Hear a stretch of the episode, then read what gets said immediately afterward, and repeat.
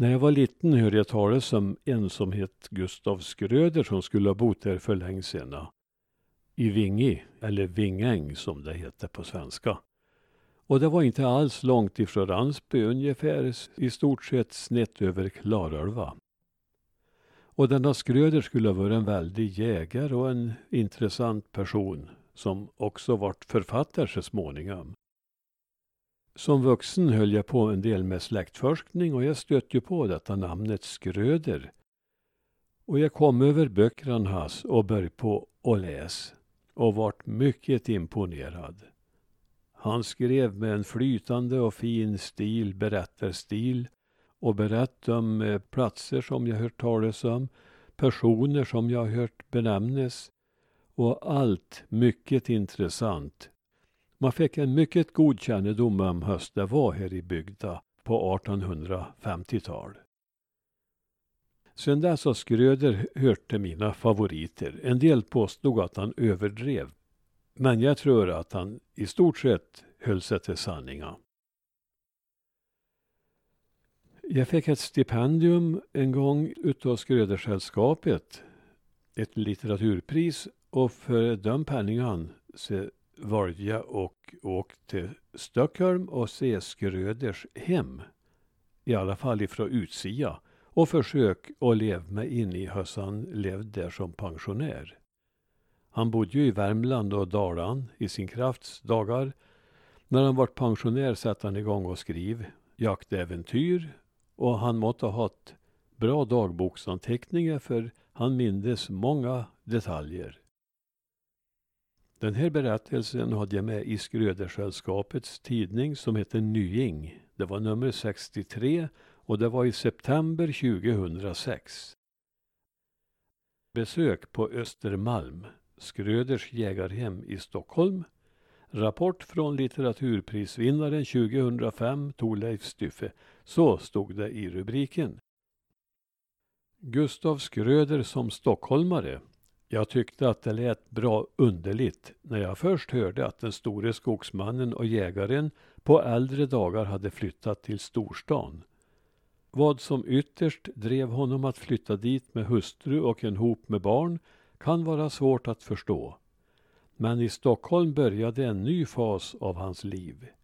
Här förvandlades skogsmannen och jägaren till storstadsbon och författaren. Kanske han behövde denna distans för att kunna sitta och minnas och drömma sig tillbaka till gångna tider. Kanske hade hans författarskap tagit en annan bana om han stannat i Värmland. Troligen hade det inte börjat. När jag i somras fick Gustav Skrödersällskapets litteraturpris tyckte jag att ett lämpligt sätt att använda prissumman på var att tillsammans med min fru utforska de skröderska markerna på Östermalm. Vi har båda med åren blivit alltmer tjusade av huvudstadens skönhet och åker gärna dit och går långa promenader. Kanske det inte heller kändes så främmande som man lätt kan tro för den store författaren att en gång styra kosan dit från de värmländska skogarna. Det var främst Skröders sista bostad, Narvavägen 20, eller det värmländska jägarhemmet som det kallades, som intresserade. En speciell omständighet för en nordvärmlänning är att huset en gång ritades av den ihärdige hembygdsforskaren tillika arkitekten Lars Bäckvall från Dalby. Bäckvall var själv mycket intresserad av Skröders skriverier och i hans enorma samling Älvdalsarkivet i Nordiska museets arkiv kan man hitta en del intressanta noteringar om Skröder. Bland annat har Bäckvall skrivit brev till Skröders granne i Vingäng, Erik Edgren, och förhört sig om sanningshalten i jaktskildringarna. Enligt Edgren var Skröder en skidlöpare, skytt och jägare av första rang.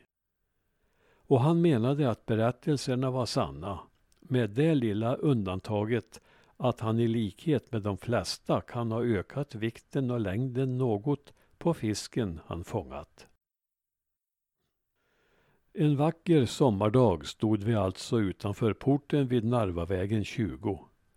Jag har alltid tyckt om att uppsöka författarmiljöer och på så sätt försöka att få något större förståelse för deras verk.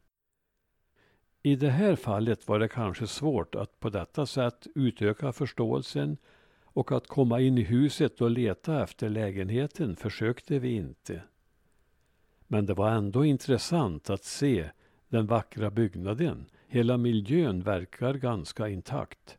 Och att följa författarens promenadstråk som det har beskrivits i K.A. Wennbergs biografi. Vi vandrade sålunda nerför Narvavägen och över bron till Djurgården. Där vek vi av till vänster och följde vattnet fram till Kaptensudden där Skröder tillbringade en deltid filosoferande på en parksoffa.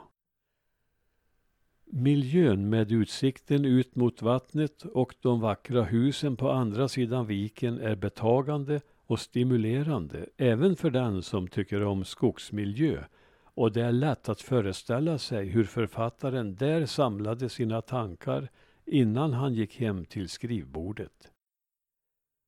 Ibland förlängde han också promenaderna ett stycke till, ut till Kärleksudden, något längre bort. Dessa utflykter var tillräckliga för den åldrade Gustav Skröder. Vår vandring förde oss vidare till Rosendals slott och sedan över Djurgårdsbrunnsviken och tillbaka till Östermalm. Nästa dag såg vi det hus där Astrid Lindgren bodde i över 60 år och dessutom Strindbergs hem på Drottninggatan. Detta blev som en extra bonus på resan. På kvällen var vi tillbaka i de skröderska jaktmarkerna i norra Värmland. Flera stimulerande upplevelser rikare.